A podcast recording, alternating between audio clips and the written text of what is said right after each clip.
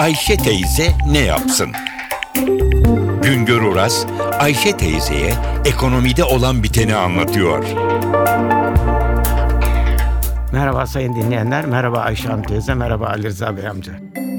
Altın fiyatları son zamanlarda gene dalgalanmaya başladı.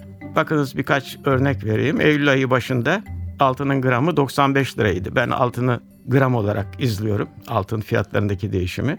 2 Eylül'de 90 liraya geriledi. Sonra 3 Eylül'de 93 lira oldu. 18 Eylül'de 84 lira oldu. 27 Eylül'de 87 lira oldu. 11 Ekim'de 82 liraya düştü. Derken Ekim'i 86 liradan tamamladık. Şimdi bu oynayış tabii ki halkı büyük ölçüde etkiliyor. Çünkü altını yüksek fiyatla satın alanlar altının fiyatlarının gerilemesi karşısında üzülüyor. Ucuz fiyatla satın alanlar acaba daha da ucuzlar mı yahut da bu yüksek fiyatla satayım mı endişesiyle altını izliyor. Neden bu kadar halkı geniş ölçüde altın fiyatları izliyoruz? Çünkü son zamanlarda halkımız büyük ölçüde altına yatırım yaptı. Birikimlerini altına bağladı.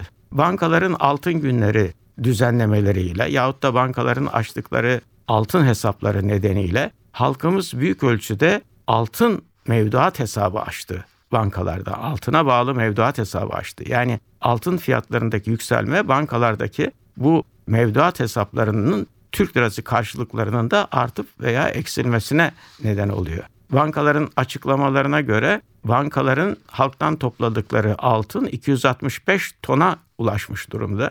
Bunun da değerinin 20 milyar lira olduğu söyleniyor. Bu önemli bir rakam çünkü dikkat buyurunuz bu sene sadece 9 ayda ithal ettiğimiz altın 235 ton. Demek ki yani bizim 9 ayda Türkiye'ye ithal ettiğimiz altının biraz daha fazlası halk tarafından bankalara, altın hesaplarına yatırılmış durumda. E bunun dışında halkımızın darphaneden satın aldığı altınlar var bu yıl içinde. 2013 yılı içinde darphane 9 ayda 75,5 ton dolayında altını zinet ve sikke haline getirildi. E bütün bunlar gösteriyor ki halk tasarruflarının büyük bir bölümünü altına bağlamış. O nedenle altın fiyatlarındaki değişim insanları büyük ölçüde etkiliyor ve insanlar günlük olarak altın fiyatlarının nasıl değiştiğini izlemeye başlıyor. Şimdi altın fiyatlarındaki dalgalanma acaba ne kadar devam eder? Önümüzdeki yıllarda ne olur? Yani altın fiyatları yükselir mi, alçalır mı? Bu konuda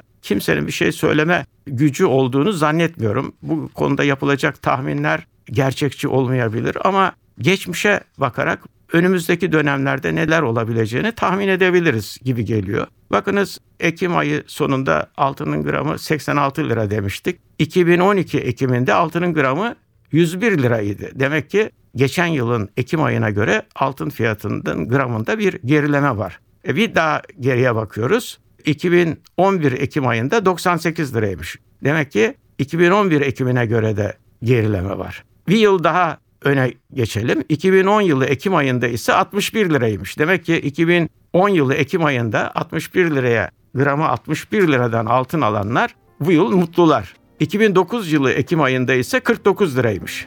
2008 yılı Ekim ayında altının gramı 38 liraymış. Görülüyor ki altında kısa süreli hareketler önemli ama uzun dönemde daha önceki dönemlerde altın alanlar zarar etmemiş görünüyor. Bir başka söyleşi de tekrar bir arada olma ümidiyle şen ve esen kalınız sayın dinleyenler. Güngör Uras'a sormak istediklerinizi ntvradio.com.tr adresine yazabilirsiniz.